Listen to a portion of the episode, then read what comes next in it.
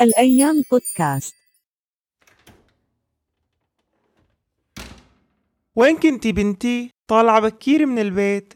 أخدت يزن على المستوصف. صار له وقت دبلان وتطليعة عيونه ما أنا مريحتني بالمرة. إيه وشافته الدكتورة؟ شو قالت عن حالته؟ ما بعرف شو قلك مرت عمه قالت لي يزن عنده سوء تغذية حاد ومثل ما أنك شايفة عم نحاول ما نقصر عليه. ووزنه منيح ما شاء الله ومبين أكبر من عمره. إيه معلوم إذا عايش على الأكلات على حلهم ضرر وانتو ولا على بالكن يلا على دلال وبلا ما يبكوا. ربيت كل ولادي على أكل البيت وبعمره ما حدا اشتكى من شي. دايما بقلكن أكلنا بغذي أكتر من هالأكلات. ما عادت الولاد أكلت أكل الطبيعي. إيه والله يا مرت عمي هيك قالت لي الدكتورة.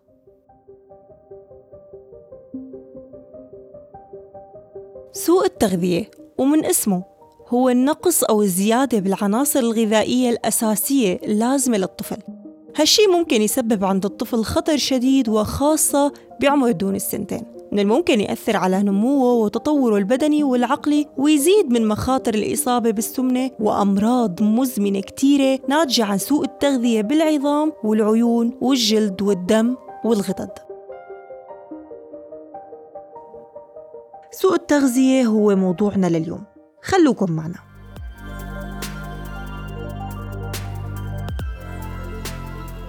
بودكاست الأيام رح تسمعوه مني أنا نادرة قزموز.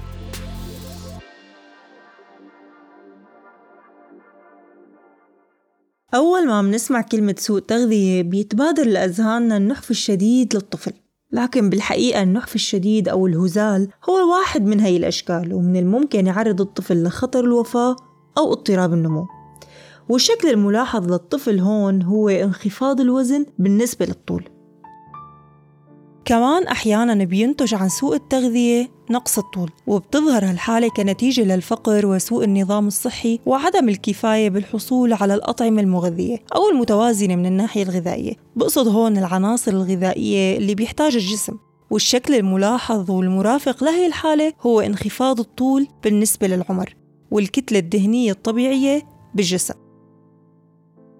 وأحيانا بتكون نتائج الحالات القصوى والمزمنة من سوء التغذية واللي بتكون عادة قليلة جدا هو الإصابة بالعمى اللي بيظهر نتيجة نقص كبير لفيتامين A.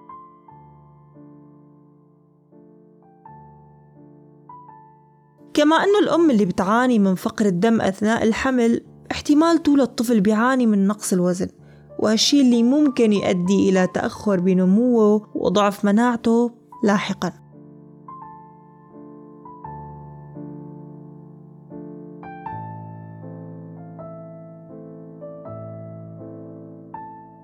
الشيء المؤلم حقيقة هو إنه نسبة كبيرة لا يستهان فيها من الأطفال عم تعاني من هالمرض على الرغم من سيطرة الأنظمة الرأسمالية على العالم اللي برافقه كتير من الإنتاج وكتير من الاستهلاك. ومع هالشي كان نقص الموارد الغذائية بسبب الحروب والمجاعات هو سبب لانتشار مرض سوء التغذية. كمان بتقول منظمة الأمم المتحدة للطفولة اليونيسف إنه بين كل ثلاث أطفال بالعالم بيعاني طفل من سوء التغذية اللي بيترافق إما بنقص أو بزيادة الوزن. وهالنسبة الكبيرة كانت نتيجة لتغير العادات الغذائية واستشراء الفقر وتغيير المناخ. الشيء المهم والغير مختلف عليه ارتباط هالمرض بالنزاعات. النزاعات اللي بتكون سبب لإيقاف الإنتاج الغذائي وبيصير فيها نهب للمحاصيل الزراعية والماشية وبالغالب برافقها قطع للطرق الرئيسية. من خلال حصار بعض المناطق وهالشي بيحد من وصول الغذاء لهي المناطق. وهذا اختبرناه كلياتنا بالتجربة السورية. نتائج هالنزاعات كانت كارثية بسبب الفقر وشح الموارد اللي أثرت بشكل سلبي على الأطفال وأمهاتهم كمان. في كتير حالات من النساء اضطرت الأمهات بسبب الجوع وقلة الغذاء لفطام طفلة بسبب نقص التغذية اللي عم تعاني منه ولجأت لبدائل عن حليبها الطبيعي. بذات الوقت الفقر وعدم قدرتهم على شراء الحليب الصناعي البديل للطفل راحت أغلب النساء لإطعام أطفالها الأكل الغير صحي. أو بعبارة أصح الغير حاوي على العناصر الصحية الكافية للطفل مثل النشا مع المي. وللحديث أكثر عن هالموضوع قدرنا نتواصل مع الدكتور فراس منسق برنامج التغذية والصحة المجتمعية بالأوسوم الأوسوم اللي هي اتحاد منظمات الإغاثة والرعاية الطبية. أهلا وسهلا فيك دكتور فراس نورتنا. أهلا وسهلا آنسة نادرة والله يعطيك العافية وشاكر لك جدا آه، للحديث حول هذا الموضوع المهم جدا اللي هو آه، سوء التغذية وما يتعلق بصحة الأطفال والرضاع. دكتور بالبداية خلينا نحكي عن سوء التغذية وارتباطه بالوضع السوري. يعني مثل ما بنعرف انتشر قصور النمو بين الأطفال السوريين إن كان بالداخل السوري بالمخيمات كمان أو خارجها. يا ترى شو هي الأسباب لهالشي؟ حقيقة آه، لو حكينا بشكل مختصر بشكل عام سوء التغذية هي حالة عدم التوازن ما بين احتياج الجسم احتياج أنسجة الجسم للمواد التغذوية والوارد الحقيقي لهي الأنسجة من هي المواد. آه، خلال فترة الحرب السورية إحنا على مدى عشر سنوات آه، كثير من يعني الناس آه، في في الداخل السوري عانوا من آه، مجموعة أسباب أدت أو أثرت بشكل سلبي كثير ومباشر على فئات المجتمع الأكثر ضعفا اللي هن الأطفال وخاصة الأطفال تحت عمر خم... بعمر تحت الخمس تحت عمر خمس سنوات وكذلك الحوامل والمرضعات.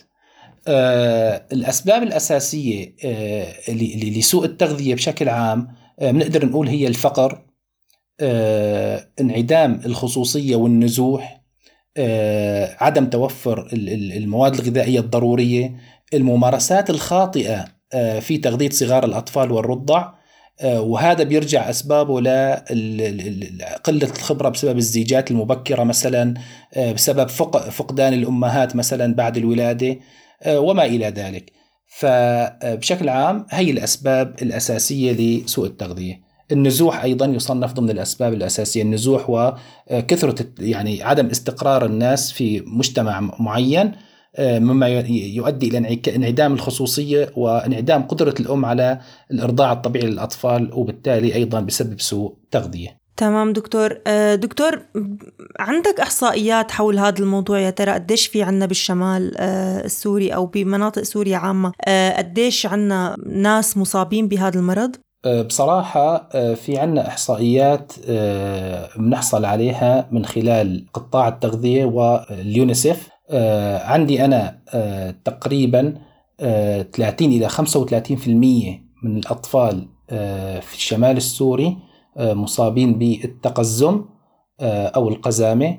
آه، في عندي حوالي بين العشرة أو 15% من الحوامل والأمهات الحوامل والمرضعات مصابين بسوء التغذية. في عندي أيضا إلى جانب سوء التغذية المزمن اللي بسبب التقزم في عندي نوع آخر هو سوء التغذية الحاد واللي بتبلغ نسبته تقريبا حوالي الخمسة في المية. هلأ دكتور قبل بشوي أنت ذكرت أنه الفقر كان مسبب رئيسي لسوء التغذية. مثل ما بتعرف أو بنعرف كلياتنا إيجاد حل جذري على القليلة بهي الفترة الحالية ما في يعني للأسف ما في برأيك على مين بتوقع مسؤولية حماية الأطفال من الجوع ونقص الغذاء؟ أه، بصراحة مثل ما ذكرت قبل شوي الأطفال أه، وبشكل خاص اللي هن تحت عمر الخمس سنوات هن الفئات الأكثر ضعفا وتأثرا بظروف الطوارئ لذلك ضمن هي الفترة تقع المسؤولية على الجميع انطلاقا من الأسرة المتمثلة بالوالدين المجتمع المحيط وخاصة السلطات الصحية في المجتمع. آه، تقع المسؤولية أيضا على المؤسسات العاملة في آه، مجال العمل الإنساني وبشكل خاص آه، قطاع التغذية واليونيسف. والمؤسسات السورية العاملة في هذا المجال وأيضا على المؤسسات اللي تعمل في هذا القطاع الإنساني المؤسسات الدولية مثل منظمة الصحة العالمية واليونيسف خلينا هلا دكتور نحكي عن الغذاء الأساسي اللي ممكن يرفع هالمرض من الوسط، شو نصيحتك للجميع؟ آه، هل المكملات الغذائية حل لمعالجة سوء التغذية؟ هل هي حل إسعافي ولا دائم برأيك؟ آه، بصراحة إحنا لازم نشتغل على آه، جهتين أو على أمرين في موضوع يعني تجنب ومعالجة سوء التغذية. نشتغل على الجانب الوقائي والجانب العلاجي. آه، بصراحة آه، بدنا نقول آه، نشر الوعي الصحيح ما بين الأمهات وبشكل خاص الحوامل والمرضعات حول تغذية صغار الأطفال والرضع.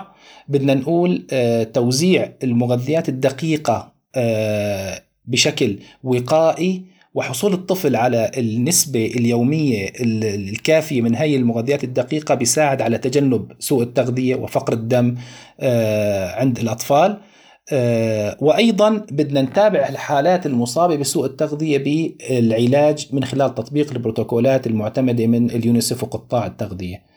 حاليا هي الإجراءات الوقائية والعلاجية بالإضافة إلى موضوع تنوع الغذاء وقدر المستطاع تأمين الأغذية اللازمة للأسر في المجتمع. تمام دكتور يعطيك ألف عافية يا رب وشكرا كثير آه، لمداخلتك اللطيفة، شكرا كثير دكتور.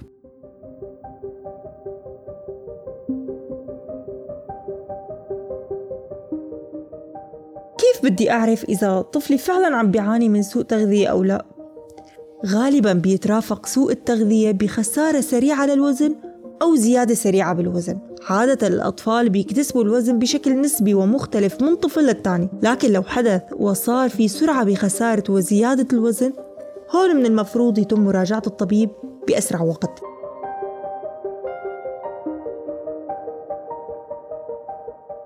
ببعض الأحيان يلاحظ على الأطفال قلة تناول الطعام. يعني يا دوب بياكل لقمتين وبيرفض الأكل بعدها. وكمان وحدة من إشارات سوء التغذية هو عدم النمو. كيف يعني؟ منلاحظ على الطفل إنه ما عم يكبر بشكل متناسب مع عمره. يعني عم يكبر عمريا بس ما عم ينمو وواقف عنده النمو. وهذا الشيء خطير كتير. لهيك كتير مهم نراقب أطفالنا.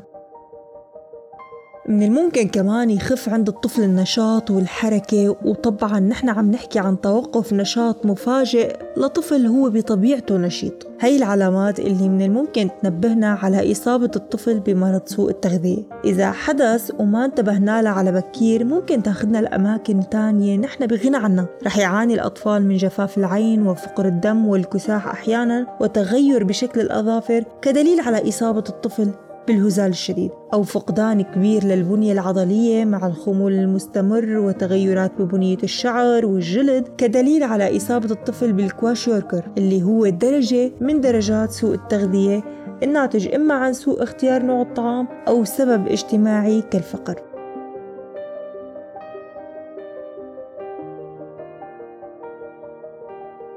أحيانا كمان بيظهر تقلص في الأعضاء الرئيسية كالكليتين أو الرئتين وضعف بجهاز المناعة وفقدان القدرة على التركيز وهالمرحلة هي من أسوأ مراحل سوء التغذية منسميها المجاعة. المجاعة اللي تعتبر من المراحل الأخيرة لسوء التغذية واللي غالبا بتكون مترافقة مع وجود النزاعات اللي حكينا عنها قبل شوي.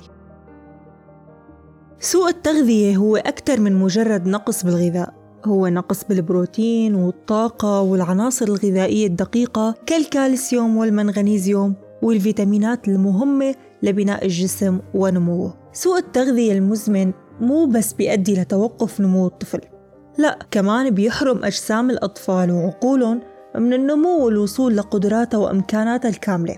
هالأضرار ما فينا نداركها أو نتفاداها وإلها عواقب بعيدة المدى. من الممكن تأثر على الأداء المدرسي أو التحصيل العلمي أو بشكل عام الأدراك المستقبلي للطفل. خلينا نقول أنه أمراض سوء التغذية من قصور النمو والهزال الشديد وحتى السمنة المفرطة ناتجة عن رداءة وسوء تغذية الأطفال الصغار والرضع اللي بيكون أحيانا سبب الفقر وأحيانا قلة الفرص بالحصول على الوجبات الغذائية الكافية وأحيانا كتير سبب التسويق وبيع الأغذية والمشروبات الغير صحية وهذا سبب خطير وشائع وملاحظ بالسنوات الأخيرة.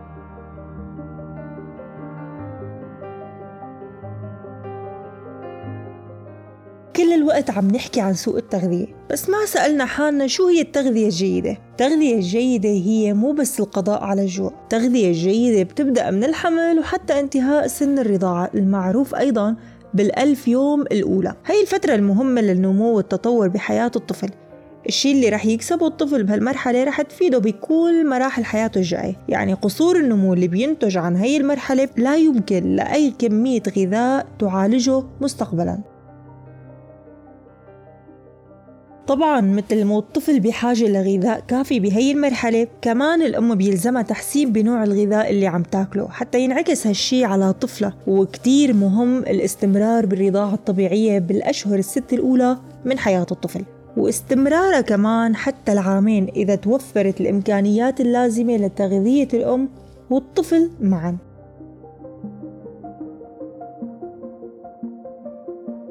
بالنسبة للفيتامينات كتير مهم حصول الأطفال على المكملات الغذائية وبيكون أفضل بكتير لو حصلوا عليها طبيعيا من خلال طعامهم مثل فيتامين A أو فيتامين ألف المهم جدا للأطفال تحت سن الخمس سنوات والحديد وحمض الفوليك وكتير شغلات غيرها.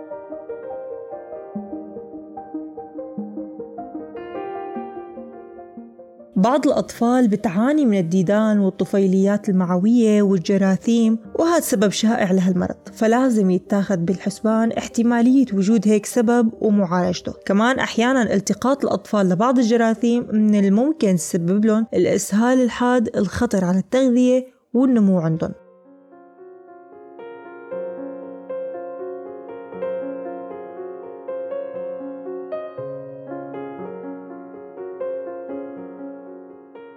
الغذاء بيندرج تحت غريزة البقاء على هي الأرض وضعف الإمكانيات وقلتها تستوجب جهد مؤسساتي ودولي بحال النزاعات. وعدم تحقيق هالشي على الصعيد الفردي بيبقى واقع مرير وفعلا مجبرا أخاك لا بطل.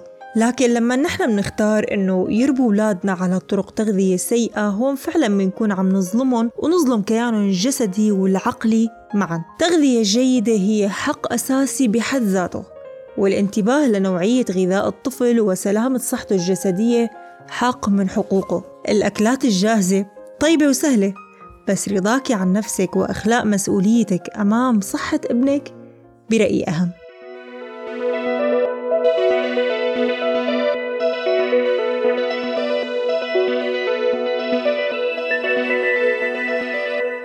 كنت معكم أنا نادرة قزموز من بودكاست الأيام كل الشكر لضيفنا الدكتور فراس التبس منسق برنامج التغذية والصحة المجتمعية في الأوسم. وأيضا الشكر لزميلتنا كفاح الزعتري من فريق الإعداد وزميلنا هاني محمد من الإخراج الصوتي. ناطرينكم تسمعونا بالحلقات الجاية إلكم مني كل الود.